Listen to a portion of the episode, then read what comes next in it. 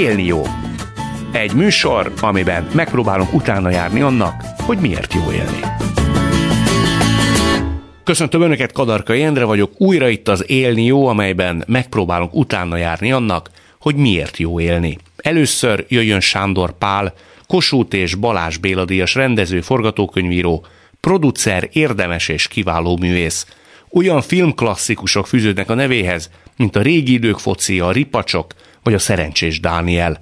Megkapta a berlini ezüstmedvét, a csikágói ezüsthugót és a Karlovi Vari kritikusok díját. Azt mondtad egyszer a filmek kapcsán, hogy minél több filmet csinálsz, annál kevésbé tudod, hogy mi a jó, mármint a filmkészítés kapcsán. Az életben minél többet lát az ember. Eljut valami receptig?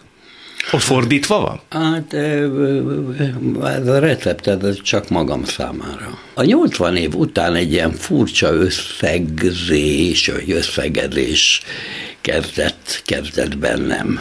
És mire jutottál? Hogy elképesztően jó életem volt, van és lesz.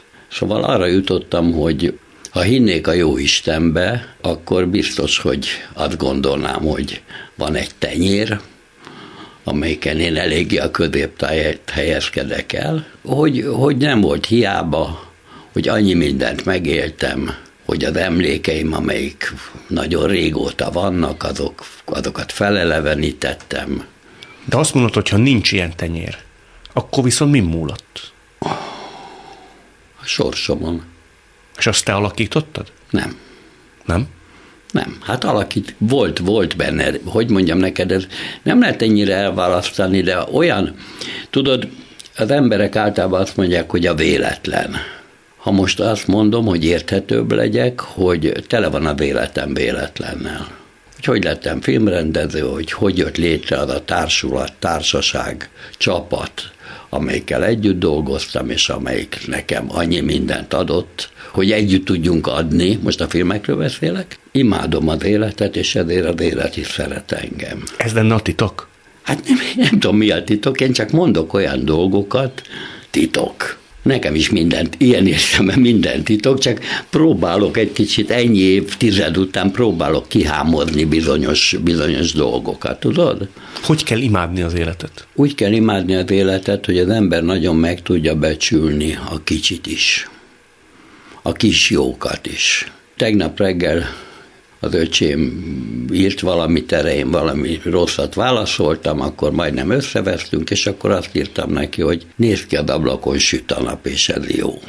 És akkor fölhívott telefonon, hogy jaj, de jó, hogy szóltam neki. Tudod, szóval az, hogy bejöttem ide hozzád, találkoztam itt néhány emberrel, és ez nekem ők azt éreztem, hogy ők valamilyen szinten engem bírnak, én meg mindent bírom, ők is ezek szerint. Szóval olyan szinten na, de, na, de várjál, és, és ezt most elteszem majd vége van ennek a beszélgetésnek, beülök a kocsiba, és van egy órányi jó érzésem megint, vagy de lehet, hogy több. De amikor rossz történik, az, amit csinálsz? Vagy mit csináltál? Hát most ezek megfogalmazva, ezek olyan csacskaságok, pedig, pedig így gondolom. A rossz azért van, hogy tudjam, hogy mi a jó. És tudod, nem akadok el.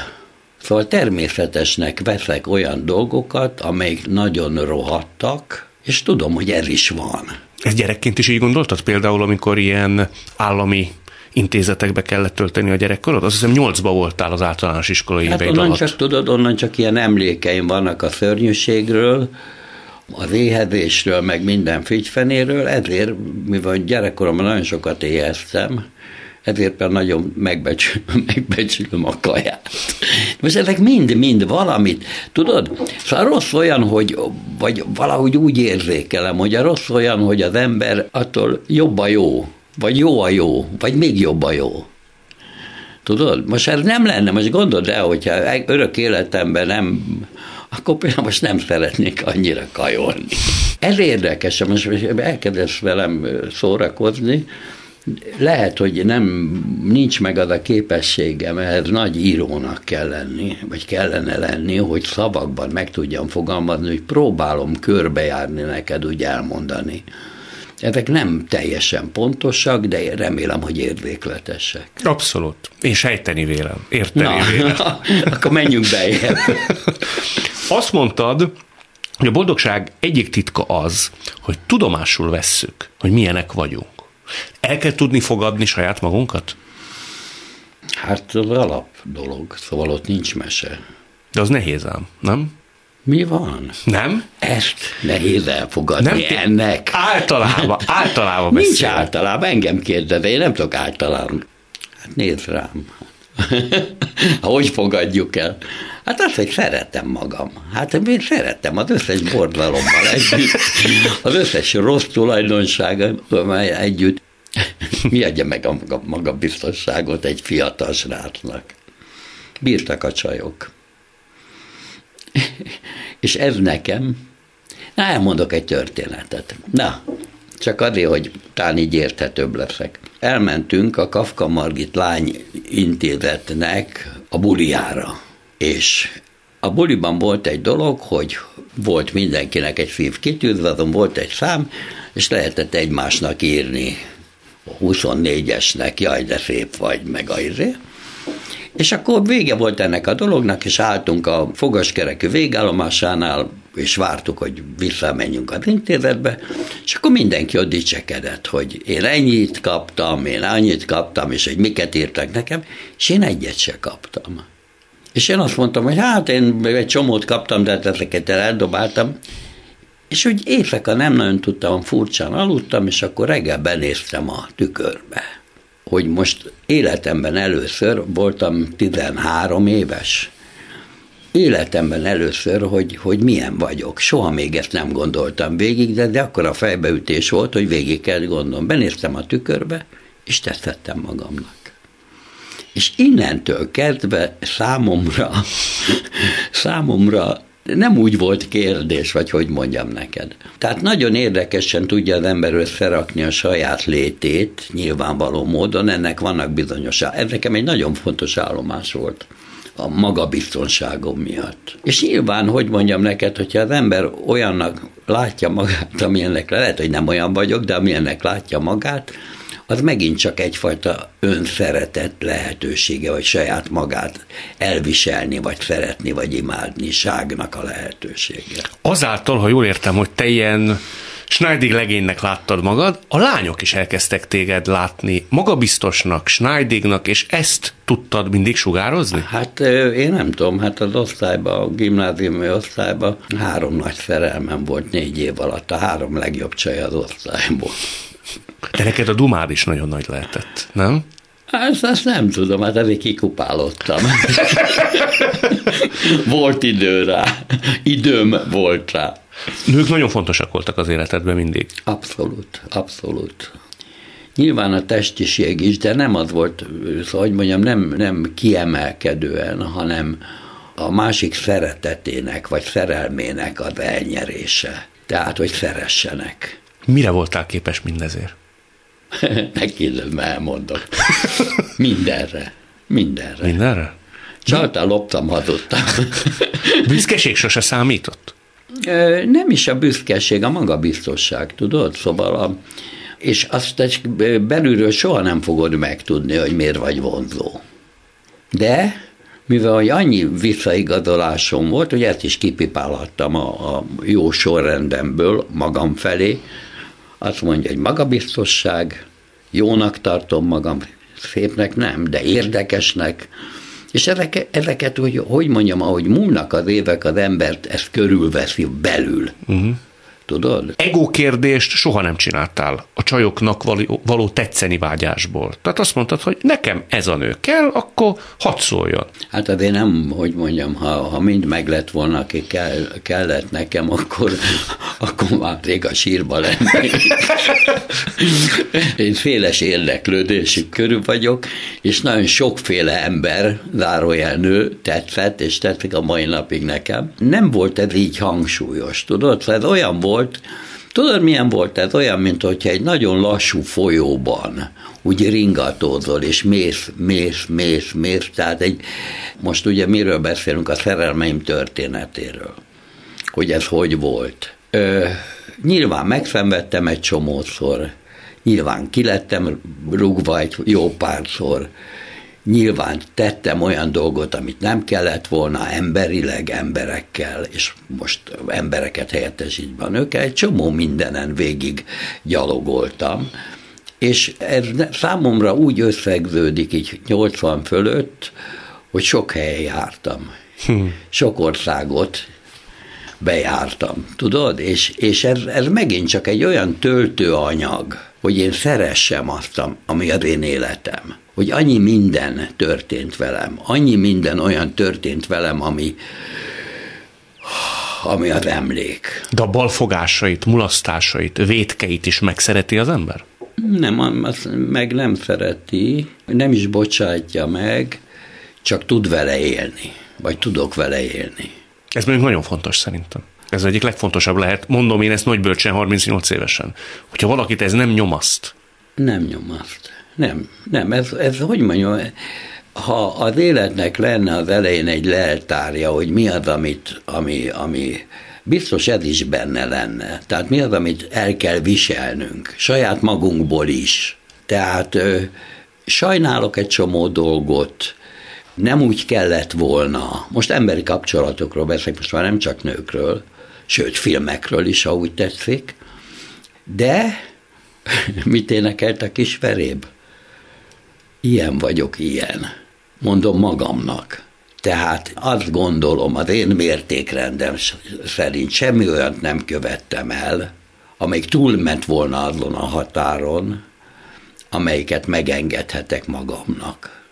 Nem a világ, amit megengedhet nekem, nem az illemkódex, nem a, a erkölcsös etikai, nem tudom én micsoda, amit én megengedhetek magamnak, és, és azt gondolom, hogy ez nem megy túl azon a határon, most általában mondom, általában gondolom, nem mehet túl azon a határon, mert van egy ember ízlésem. És azt gondolod, ha jól dekódolom, hogy mindenkinek máshol lehet ez a fajta normarendszer határa, és ha azt nem lépi át kiki saját maga, a saját maga által normálisnak tartott normarendszerét, akkor nem lehet olyan nagy baj, hisz meg tud békélni saját maga bűneivel. Ez nem így működik, pont fordítva működik. Igen? előbb csinálsz valamit, és aztán van, a, aztán van a, aztán megy a mérlege. Nem előbb mérlegez, hogy neki menjek, nem menjek. Neki megyek, és aztán azt mondom, hogy megóvott engem valami, egy születési adottság, vagy egy, egy neveltetés, vagy egy, egy hát neveltetés, engem a neveltetés, ez, ez a szó velem kapcsolatban nem olyan nagyon jó, de az, hogy szóba került az előbb, még nem ment a, a, ez a felvétel, hogy az ösztön. Szóval az ösztöneim nem, nem, szóval előbb csinálom ösztönösen többnyire tízből nyolcszor a dolgokat, kettő van, amikor végig gondolom, ezek általában nem igazán, nem igazán kompatibilisek velem. És mi győz? Hát csak az ösztön. Csak az ösztön? Csak az ösztön. Csak az ösztön. Szóval volt, volt hogy valamit, valamit nagyon akartam, és valami megszólalt bennem. És olyan igazam volt. Persze estem én pofára, tehát eh, hogy mondjam, én most az eszenciájáról beszélek, és természetesen egy sor olyan dolog történik az ember életében, amelyik nem egészen ilyen, vagy egyáltalán nem ilyen, és azt is el tudom fogadni, hogy hát van olyan, amikor se az agyam nem működik, se az ösztöneim nem működik, jó pofára se. Nagyon érdekes, utóbbi időben is foglalkozik, mi minden foglalkozott magamból. Már filmet kéne megint csinálni, mert fogok. Fogsz? Hát szeretnék persze. Miről fog szólni? Az lesz a film, hogy amit még nem mondtam el. Ó. Oh. Ö, ideglenes film. Nekem az emlékeim a rosszak is jók. Szóval, mert visszatérve a gyerekkoromra, hát szörnyű, tényleg szörnyűséges volt, és ott meg úgy vagyok vele, hogy nem lennék az, aki vagyok, hogyha ha nem történik meg velem az a gyerekkor. Biztos nem lennék olyan. Mit nyertél általa belőle? Például mondok egy dolgot. Én általában általában nem évelején mentem az intézetekbe, hanem kirúgtak, és akkor el kellett mennem máshonnan. Volt olyan intézet, ugye, ahol három hétig is elbírtak, aztán onnan kivágtak, gödölön volt. És ugye égővörös hajú kölök, és ugye hát a gyerekek gúnyolódása céltáblája. És hát nyolc helyen kellett nekem beilleszkednem a vörösnek. Megtanultam, hogy hogy kell rendet teremteni, hogy kell beilleszkedni, és azon belül hogy kell helyet foglalni egy közösségbe, egy osztályban, egy iskolában, egy intézetben. Például nekem borzasztó fontos vált az életemben. A megtalálni a helyzetnek megfelelő helyedet, és azt hogy kell megerősíteni, és hogy kell abban bánni, és hogy kell abban élni, és hogy kell abban visszaélni. Vissza is kell élni néha? Ha, hogy a fenében? Hát hogy a fenében? Milyen helyzetbe engedi meg magának az ember, hogy visszaéljen ilyen helyzettel? Hát amikor másképp nem tud nyerni. Uh-huh. Nyerni egyébként, tudom, ez is kicsit általános, de kell. Ez egy örök kérdés. Nekem nem. Neked nem? Nekem nem. Veszteni ugyanúgy tudtál? Jó kérdés. Jó kérdés. A, ugyanúgy biztos nem.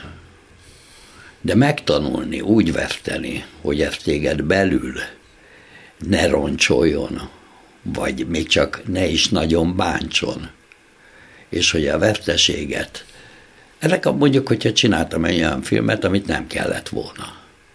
Olyan könnyen el tudtam magamba intézni.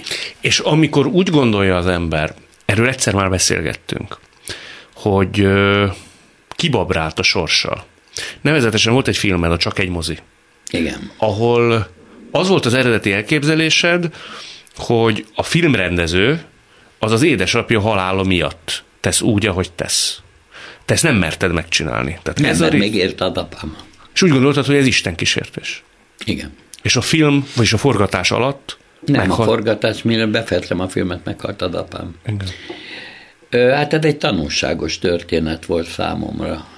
Milyen volt gyávaságom, nem tudom már trémen. Tudomásul kellett vennem, hogy, hogy gyáva voltam. Hogy gyáva voltam. Biztos, a jobb viszonyom lett volna apámmal, mint amilyen volt, mert hogy nem volt jó viszonyom vele, sajnos, akkor elmertem volna mondani neki, hogy csinálok egy olyan filmet, mit szólod vele, mert soha életemben nem beszéltem ilyen, másról sem, de ilyenről aztán végképp vele, tehát inkább elsúnyítottam a dolgot, meg is büntetett a sorsom. Próbáltál vele beszélni valaha? Így mélyen, őszintén, igazán? Egyszer, de azt nem kellett volna. Elmeséled, mi történt? Egy kocsiba összezárva én vezettem, Balatonról fölfele, öcsém ült hátul, apám mellettem, és nem álltam meg, és még messze volt Budapest, és elkezdődött valami, valamit mondott nekem, fölment a pumpa, és akkor elmondtam, hogy ő milyen. Na, ezt nem kellett volna. Soha nem bocsájtom meg, especiál soha nem bocsájtom meg magamnak. Nem kellett volna. Tudomásul kellett volna vennem azt, hogy, hogy ő ilyen, és mi nem vagyunk olyanban, hogy én elmondhassam neki, hogy ő ilyen. Vérig sértődött? Több. Több. De nem sértődés volt. Az nem tudom, mi volt. Az. Nem tudom, mi volt. Én tudom, hogy bennem mi zajlott le abban a pillanatban, hogy kiszállt a kocsiból. Valamikor is próbáltad ezt helyrehozni? Nem.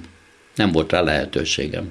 Ő nem adott, vagy az élet nem adott? Nem kínált ilyen Nem voltunk mi olyanban, hogy, hogy még egy, pláne ezek után még egy beszélgetés lett volna. Na de hát ez is olyan dolog, figyelj ide. Nekem ebben együtt az apám az apám, az anyám az anyám. Tehát én, én, én úgy emlékszem az apámra, hogy volt egy apám. Hogy aztán mi minden történt ez alatt, de az apám volt, és ez csupa nagy betűvel. Mit köszönhetsz neki? Anyámnak köszönhetek, mert az öcsém az apám természete, én meg anyám természete vagyok. Azt köszönhetem neki, hogy én nem lettem olyan, mint ő, hanem az öcsém lett olyan, mint ő. Hmm. Azt köszönhetem neki. Közfater. De mi az, amiben ráismersz ma? Van olyan? Már hogy magamból? Igen. Nem ismertem annyira, hogy tudjak ilyen mondani, csak nagy általánosságokban ismertem. Nem ismertem igazán. És ez így volt jó. Ez így volt jó, mert nem tudtunk egymással mit kezdeni. Nem volt ez soha hiányérzet benned? Nem. Nem. Milyen apám volt, és akkor is az apám. És édesanyáddal milyen volt a viszonyod? Az más volt, az más volt. Ez egy 150 centi, alacsony, jidise máme, uh-huh. ugye zsidó mama, minden egyes olyan dolgával, gertusával, simogatásával. Szóval ott megkaptam minden olyant, ami a másikból hiányzott. Tehát a sorsom megint kiegyenlítette ilyen formán a dolgokat. Tudod, ez, ez látod, azt kérdezted, valahogy kérdezed, hogy az élet, meg hogy én szeretem az életet, meg szeretem az életet. Annyira szeretem, hogy gyűlölöm a halált.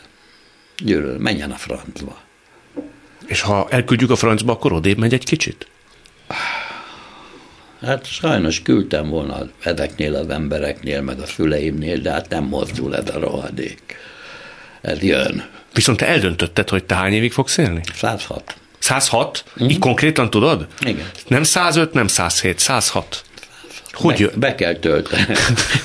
ne kérdezz, hogy hogy. Egyszer csak azt mondta valakinek, hogy én 106 évig fogok, és annyira megtette. Ezek nem, figyelj ide, az, az most, én imádok verdomálni egyébként, de most egyszer ilyen nagy fogam, hogy fogalmaz meg. Értsd már meg, hogy ez, ez, ez nem, hogy mondjam, ha megfogalmaz az ember, ez egy illékony anyag az ember élete. Ha megfogalmazod a dolgokat, azok elillannak. Az már nem, akkor nem tud, az nem egészen olyan. Mm próbálod, úgy, pláne kérdezel, próbálok úgy mondani dolgokat, persze bizonyos dolgokat természetesen meg tudok fogalmazni, remélem, hogy ebbe a beszélgetés Abszolút, ne viccelj. Viszont remélem nem illetlen a felvetés, gondoltam, hogy találkozunk, akkor azért megkérdezlek erről, mert biztos, hogy van erre nézve is egy nagyon jó ideológiád, vagy megoldóképleted. Vas István azt mondta egyszer, hogy azt hiszem 75 talán 75-öt mondott, hogy aki 75 fölött nem foglalkozik az elmúlással, az hülye írta ő. Hülye vagyok. Ezt akarom kérdezni, hogy lehet azt csinálni, egyáltalán nem foglalkozni De nem, vele? hogy nem fog. Persze, hogy az embernek eszéből, különösen akkor, hogyha figyelmezteti a sorsa környezetéből, vagy, vagy nem a környezetéből, egy olyan ember, aki azt se tudja, hogy én szerettem, és látom a Facebookon, hogy elment. És akkor, akkor azt szoktam írni mindig, hogy hiány felkiáltójel. Tehát hogy ne foglalkoznék? Hát csak ez megint eddig. Uh-huh nem magamba, magamba el, nem el tudom rendezni, hanem tudomásul tudom venni azt, hogy hozzátartozik az élethez a halál, de akkor is menjen a francba. Nem lehet, hogy azóta gondolod ezt, amióta Görögországba te ott találkoztál a, minek nevezem, mindenséggel? Igen. Igen. Igen, hát az nekem nagyon megváltoztatott. Az, arról én már egyszer beszéltem neked, vagy szoktam is az életemben volt egy olyan helyzet, amikor a dolgok helyre kerültek bennem. Az addigiak is, és onnantól kezdve az addigiakkal való együttéléssel is helyén vannak a dolgok. Elmeséled kettő mondatba, hogy praktikusan mi történt veled? Ott álltál Görögországba, és lenéztél nem, egy... Nem, ott álltam Szuniumban, a tenger fölé egy, egy nagy szikla, és lement a nap, elindult lefele a nap, a hatalmas napkorong bele a tengerbe. És akkor én akaratomon kívül, pontosabban nem tudom, hogy akartam, inkább úgy mondom, elindultam a szikla szélére, egészen a szélére, belenéztem a napba és a tengerbe, és akkor beleláttam a mindenségbe valahogy. Ennyi történt. És elmondod, hogy ott mit láttál? Vagy a szavakba lehet önteni? Nem amit láttam az érdekes, hanem hogy bennem mi zajlott le akkor, és valami szólt. Valami, nem tudom. Nem úgy, hogy a palkó, mi van vele. hanem, hanem valami elmordult, vagy valami, valami történt bennem. De ezeket, ezeket nézd, vannak olyan dolgok, majd én csinálok fel egy interjút, rájöttem, hogy engedj egy, engedj egy interjút. Megtiszteltetésnek mert, lenne. Mert, mert, megmondom miért, mert olyanokat te se tudsz remélem megfogalmazni, amik megfogalmazhatatlanok amiket ne, nem mondom el senkinek, elmondom már uh-huh. mindenkinek, írja a Karinti, de én meg azt mondom, hogy nem mondom, nem, nem tudom, nem tudom. Csak tudom, hogy onnantól kezdve valami más kép, valami összedárult bennem, vagy valami kinyílt. Nyugodtabb vagy azóta? Biztonságban érzem magam. Jobban. Hát persze nem mindig, hogyha, hogyha fejresek, akkor Fizikailag, lelkileg úgy összességében? Hogy érted? Nem érhet baj? Nagyon nagy baj engem nem érhet? Nem, persze, hogy érhet, nem. Hanem azt is tudni kell, hogy ha ér, akkor is, akkor is én vagyok, akkor is meg kell találnom azt, hogy hogy, hogy tudok egybe maradni, hogy hogy tudok saját magam maradni. Hm. Akkor is. Tehát ez nincs menekvés saját magadból. Nincs? Nincs. Hát csak oda lyukadunk, hogy el kell tudni fogadni magát az embernek. Rettenetesen. Ezzel kezdtük. Hát békébe kell élni, hát érted? Hát kivel élj békében, nem saját magaddal. Hm. Azt mondod, hogy csinálnál egy filmet, amit még nem mondtam el mhm. munkacímmel, uh-huh. amit téged még most foglalkoztat. Mit nem mondtál még el? Majd beülsz a moziba, fogom a kezedet, hogy ne féljél nagyon, vagy hogy ne nagyon neves, vagy hogy neves, ez még nagyon, nagyon, so, hát rengeteg mindent. Most is elmondok egy pár olyan dolgot, amit még nem mondtam el. Hát az érted, így, így általános. De, De hogy mi, mi tartott a... vissza, hogy eddig nem mondtad el ezeket? Szemérem. Szemérem? Szemérem. És 106 év, ugye? Tehát az még nagyon messze van, hogy jó sok film De hány lesz. éves lett fel akkor? Mikor te 106? Én most 84 leszek. Akkor az még 22 év, 60. Azért látogass meg. Megbeszéltük. Megbeszéltük. Köszönöm, hogy itt voltál. Voltam régen kis vagány, aszfalton huán, lettem aztán nagy vagány, tapasztalt bon viván. És voltam megnyerő, szívért elvesző, és tudom már, hogy hogyan jár, egy nagy menő, ha nem nyerő. Minden kocka fordul, ha jó megpörgeted, minden szoknya pördül, ha táncba csörgeted. A nő, ha egyszer szépség, hát százszor minden várja, hogy egyszer ölbevedd. Ó, hogy egyszer tönkretedd. Sándor Pál után következik Harmat Artemis, irodalomtörténész, író, édesanyja. Tére János József Attila díjas író, költő, drámaíró életének 49. évében hirtelen fellépő egészségügyi probléma következtében elhunyt. Artemis férje elvesztése után sem adta fel, túljutott a nehéz időszakon, azóta ápolja férje hagyatékát, és rátalált önmagára is. Az ifjúsági és gyerekirodalmi centrum vezetője lett. Hisz benne, hogy minden élethelyzetben észre kell venni, és ki kell bontani az élet kínálta ajándékokat. Ugorjunk egy nagyot az időben. 2009-ben járunk, Berlinben. Te kimentél oda egy ösztöndíja. Igen. Mi történt ott? Szerettem volna megírni a doktori dolgozatomat, és ez sikerült is nagy részben, ott indítottam el a legfontosabb fejezeteket, ott írtam meg, csak hogy egy héttel a kiérkezésem után, amikor gondoltam, hogy leszakadtam a világról, és csak a tudománynak fogok élni, megismertem a későbbi férjemet. De ez hogy történt? Elmentünk egy írólvasó találkozóra, és ő ott az egyik vendég volt Budapestről. Te tudtad, hogy hova mész? Én tudtam, de egy kollégájával akartam beszélgetni. Tehát semmilyen női rafinéria, szeszély nem. nem húzódott meg emögött. Te nem. ismertettél János? mivel tanulmányaim születtek már akkora róla, ezért olyan módon ismertem, mint szerző, de sosem találkoztam vele. Ő külön ült, én a többi magyar íróval ültem, ő pedig már akkor is ugye a saját territóriumát és a saját terét azt megkövetelte magának, és ö, gyanakodva pillantgatott körbe, és megállapítottam, hogy elég komor. Aztán pedig ö, hívtak engem a többiek egy közös vacsorára, és akkor mellé ültettek, addigra bemutattak bennünket egymásnak, tehát az írók kérték, hogy tartsak velük erre a vacsorára, és akkor kiderült, hogy ugye nekem már születtek róla írás, hogy emlékezett a nevemre, és hát akkor volt az az első pillanat, hogy ráéreztem a humorára, és a kedvességére, gyöngétségére. Ez a két dolog volt, ami megfogott, de rögtön is, hát őt is, én. Hm. Te ezt később tisztáztátok, hogy ilyen Igen. hamar eldőltek a dolgok? Bizony, ő megkérdezte tőlem ott rögvest, hogy van-e lakásom. Ez Már volt az első, kint? nem, úgy egyáltalán ez volt az első kérdése, nem értettem, hogy miért kérdezi, aztán később tisztáztuk, hogy már akkor gondolt rá, hogy előbb-utóbb ez probléma lesz, hogyha ő írni szeretne, hogy, hogy akkor hogy fog, hogy fog dolgozni, ha ő engem feleségül vesz. Ez volt szinte az első Igen. érdemi kérdése Ez hozzád? volt a legelső, igen. Tehát ő már azon gondolkodott, hogy praktikusan hogy fog berendezkedni ez a két ember. Igen. Azért ez hátborzongató kicsit, nem?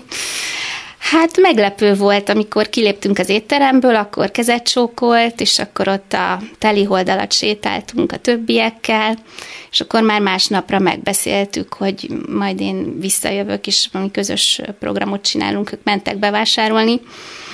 Tehát valami elindult, de én nem gondoltam, hogy olyan nagyon komoly dolog lesz ebből, mint a házasság. Miért?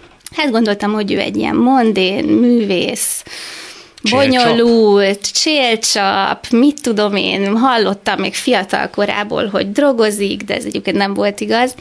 Hát azért keringtek róla ilyen plegykák. És erre aztán később rácáfolt? Igen, egy ember megismerése azért egy hosszú folyamat.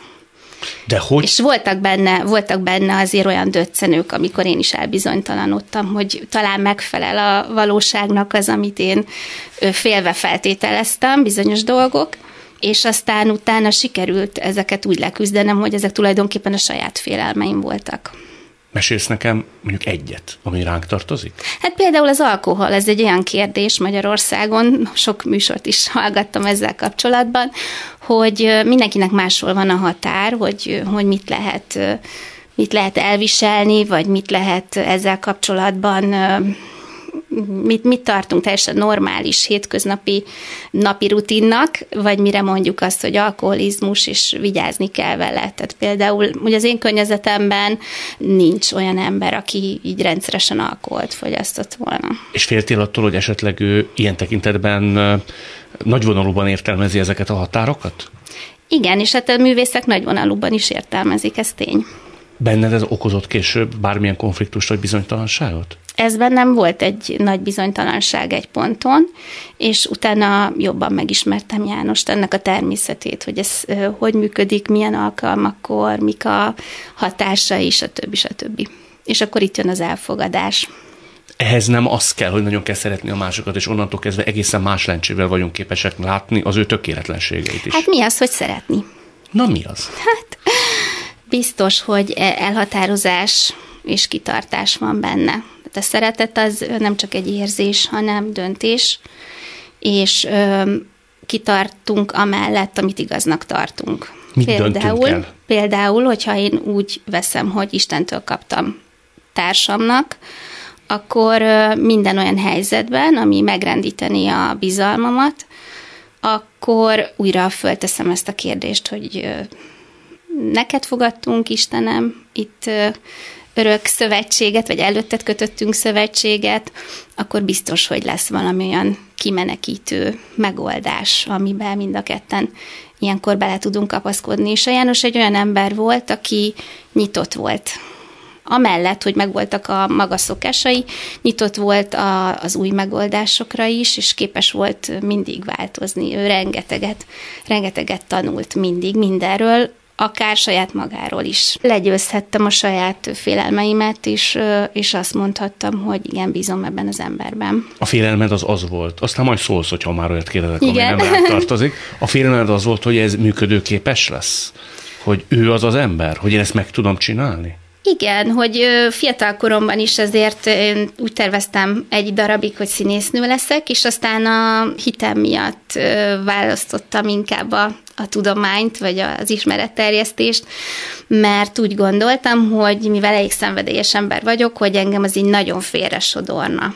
Már milyen értelemben? Hát a kontroll szempontjából. Ó, tehát, hogy ilyen mondén élet felé vitorláznál Hát el? igen, igen, igen. Nagy ö, fontossággal bírt a te személyed az ő irodalmi tevékenységében is. Tehát te voltál az első olvasó, Igen. te voltál a a megfellebbezhetetlen kritikusa? Hát, ilyen szigorúan nem mondanám. Mondom én akkor. Tehát ezt Nagyon kér... fontos volt neki. De szerintem ez a férfinak volt fontos. Ezt hogy érted? Hát, hogy felnézzek rá. Ó, értem. Értem, tehát neked akarta írni Most lehet, azt. hogy ezzel a saját uh, irodalomtörténeti jelentőségemet kell uh, kisebbítenem, de megteszem, mert uh, én úgy érzem, hogy ez, ez inkább annak szólt, hogy elismerem. Mint nő? Igen. És kevésbé, mint szakember? Hát szerintem ne állítsunk itt most föl sorrendet. Hát csak azt mondtad, hogy itt a férfinek volt fontos. Hogy neki is fontos volt, mert ez, ez, ez, még, ez még nem hangzott el hogy nyilván olyan embert választott, akinek megbízik a véleményében, az ízlésében, az értékítéletében. Tehát egy idő után az ember túlságosan belülre kerül, és nem feltétlenül tudja olyan objektíven megítélni az írás művészetét, ahogyan korábban. Uh-huh. Neked ez sikerült szerinted? Én jól leválasztottam ezt a két szerepet. Le lehet? Tehát a szerelmes férfit és a, a nagy írót, azt el lehet választani? E, igen. És hogy kell azt csinálni? hát ezek ilyen női trükkök. Igen, egyet mondj el akkor. Hát, ha van még olyan, aki... Hát de veled beszélgetek. Hát de látják ezt nők is. Hát, ha nekik ez egy jó manna, vagy recept. Hát vannak olyan helyzetek, ahol nem lehet negatívat mondani. Még akkor is, hogyha negatívat kellene? Igen. Mert És az... például egy házastársi kapcsolatban lehet ilyen lehet ilyen pillanat, vagy később kell elmondani. Vagy relativizálni kell. Persze fontos az, hogy a másik bízhasson bennem, tudhassa, hogy én, én megmondom neki az igazat. Tehát itt uh-huh. most mhm. nem arról van szó, hogy azt akkor eltitkoljuk, hanem inkább arról, hogy hogy ennek a másik szerepnek adjuk meg az elsőséget bizonyos Világos. helyzetekben. János halála ebben a nagy idillben történt? Igen. A családi élet az valóban nagyon jó volt, és, és olyan, hát sikerült olyan, olyan kapcsolatot, olyan életmódot kialakítani, ami a miénk, és vállalni a saját szerepeinket, mindegyiket. Benned volt-e félelemérzet az ő vele született szívproblémája miatt? Nem, én nem tudtam róla, hogy ez okozhat akár halált is. Mennyit tudtál mindenről?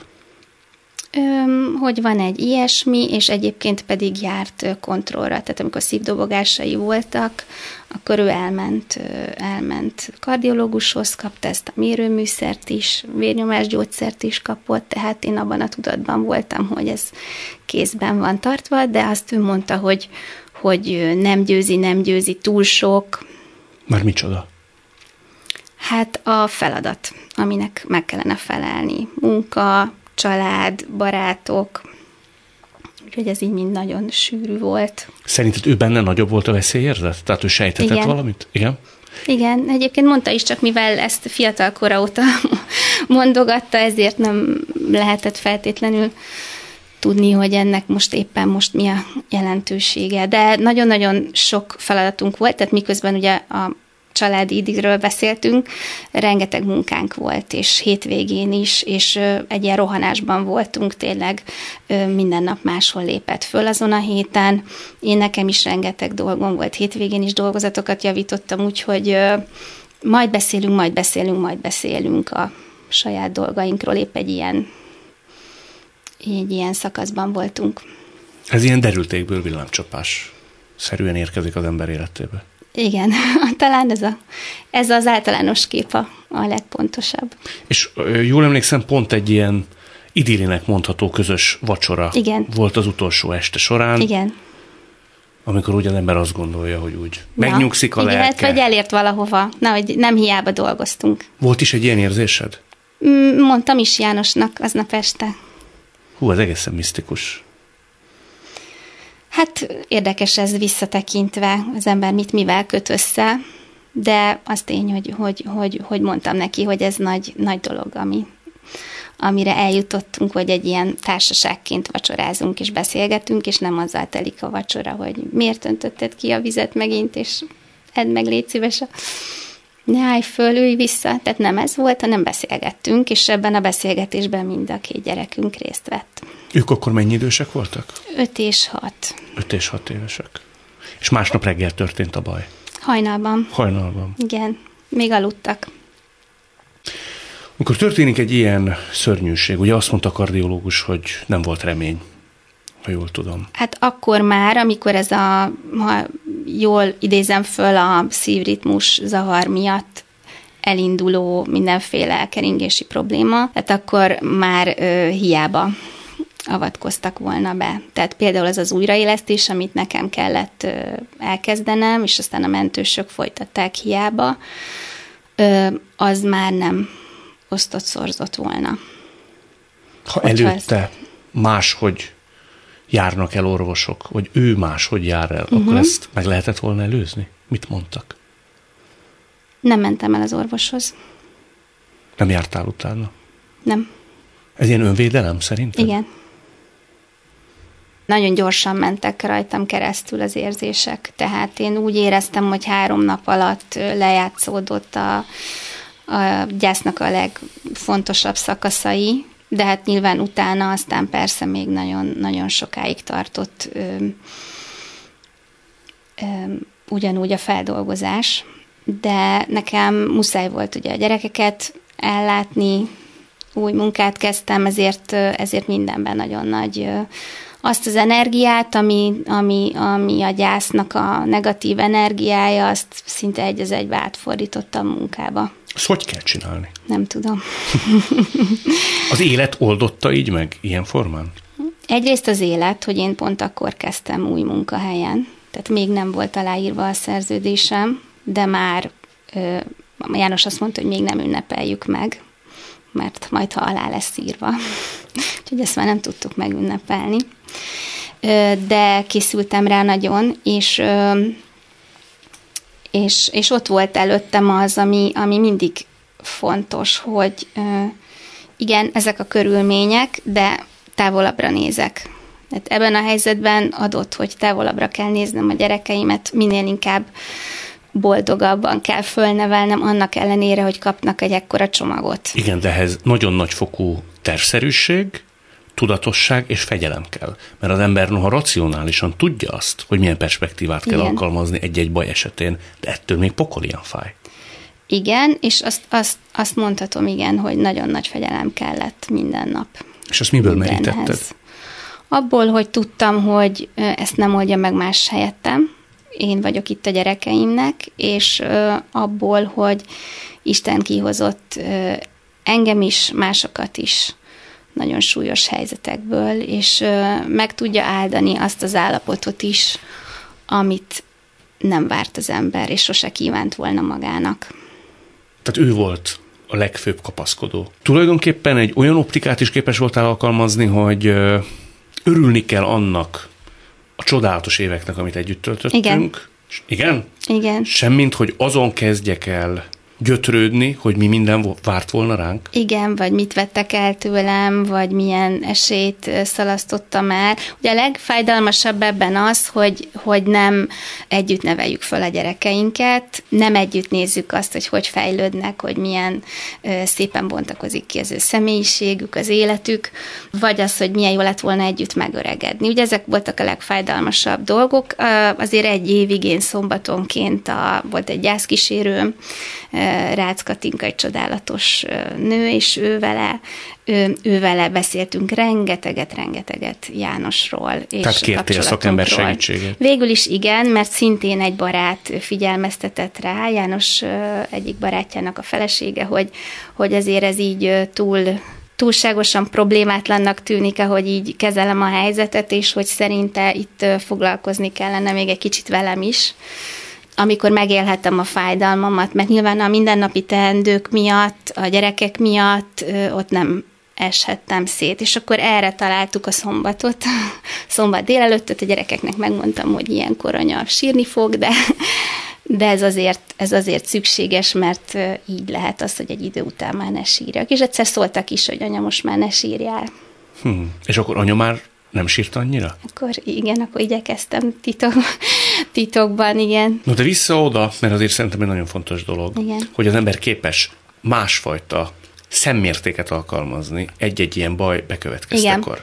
Te ezt tudatosan előhívtad magadból, ez a túlélés záloga, vagy rávezetett egy szakember? Hát én így élek, tehát én előtte is így éltem, hogy, hogy nekem nagyon fontos az, hogy, hogy én az életemet azt nem magamnak élem, hanem én azt kaptam valakitől, aki nálam hatalmasabb intelligencia és hatalmasabb szeretet. És ebben próbálok meg kiteljesedni. Hát ez így túl nagy szó, mert nyilván engem is elvisz a felszín, meg a hétköznapok. Igen, de amikor éri egy ilyen nagy csapás az embert, Igen. és te végigvetted ezt nagyon érzékletesen és szívfájdítóan, hogy mi minden várt volna még rátok. És ehelyett az ember képes örülni annak, hogy noha nem is olyan nagyon sokáig, de adatott pár fantasztikus év.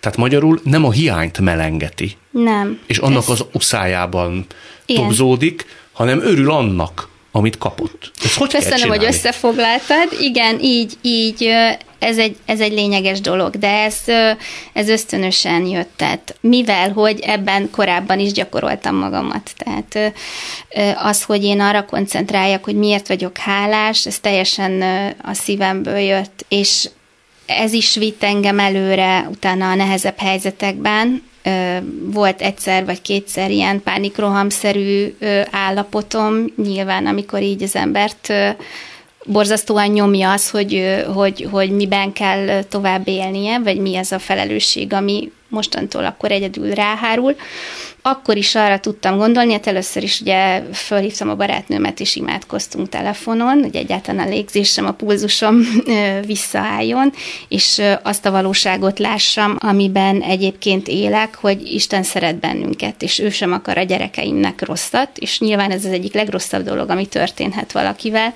de úgy fogja kanyarítani az életünket, hogyha ráfigyelünk, hogy, hogy emiatt ne érje őket lelkileg hátrány. Nagyon fontos a humor szerintem, és hát János azt vitte el az életemből. Ti mindig nevettetek ilyen cinkosan? nem igaz, de cinkosak voltunk, igen, és sokat nevettünk, és hát a János humora az nekem tényleg ilyen top, könyvben is, meg az életben is. Hát mondtam neked, hogy, hogy azt tűnt fel először, hogy milyen vicces. A könyveiben szigorúbb azért.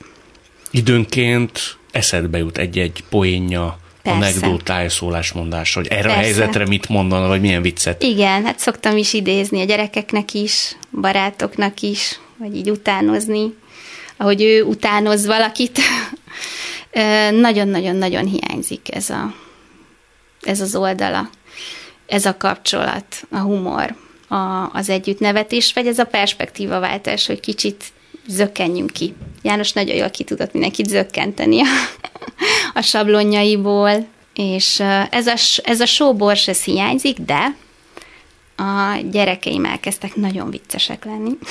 Hát apjuk gyerekei. Igen, és más humoruk van, nem egyforma, és mindegyiknek kiváló, kiváló a humora, úgyhogy elmondhatom így, hát majdnem négy év, három és fél, négy év után, hogy nevetünk esténként. Tehát ezt, ezt nem tudtam elképzelni. Nem szeretek sem panaszkodni, sem sajnálni magamat, az szerintem egy nagyon rossz út. Azt nem engedtem meg magamnak, hogy magamat Senkinek? sajnáljam. Szombatonként se? Szombatonként Katinkának megengedtem, hogy sajnáljon. Igen. De csak neki? Igen. Hmm.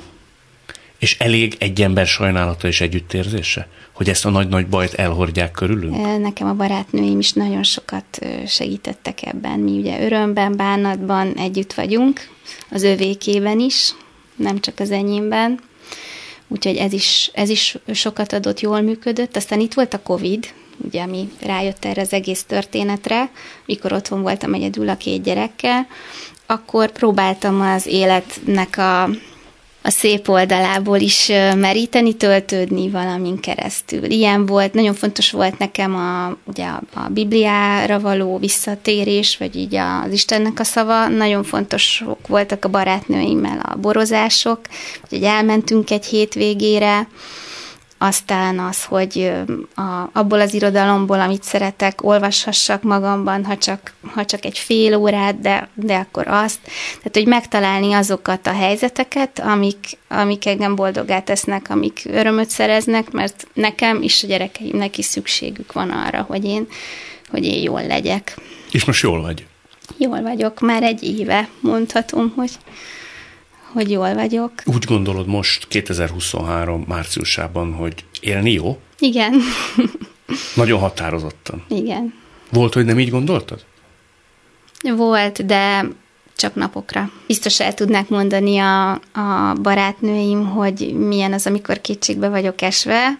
Az anyukám is tudja, hogy milyen az, amikor sírok és kérdéseket teszek föl neki, de az, hogy ajándék és feladat, azt hiszem ezek a szavak leírják, hogy, hogy miért nem mm, miért nem temetem magam egy, egy sötét felhő alá inkább, vagy nem is tudom, nem is ismerem ezt a tartósan, ezt az érzést. Hát ne is ismerd meg, és legyen ez a felhő egy ilyen napsütötte, nem is felhő, egy ilyen napsütötte állapot. Köszönöm. Én is nagyon köszönöm. Sándor Pált és Harmat Artemis hallgatva elönti az embert valami egyszerű felismerés, hogy a boldogság tulajdonképpen a jó közérzeten is múlik. Vagyis, hogy élni jó.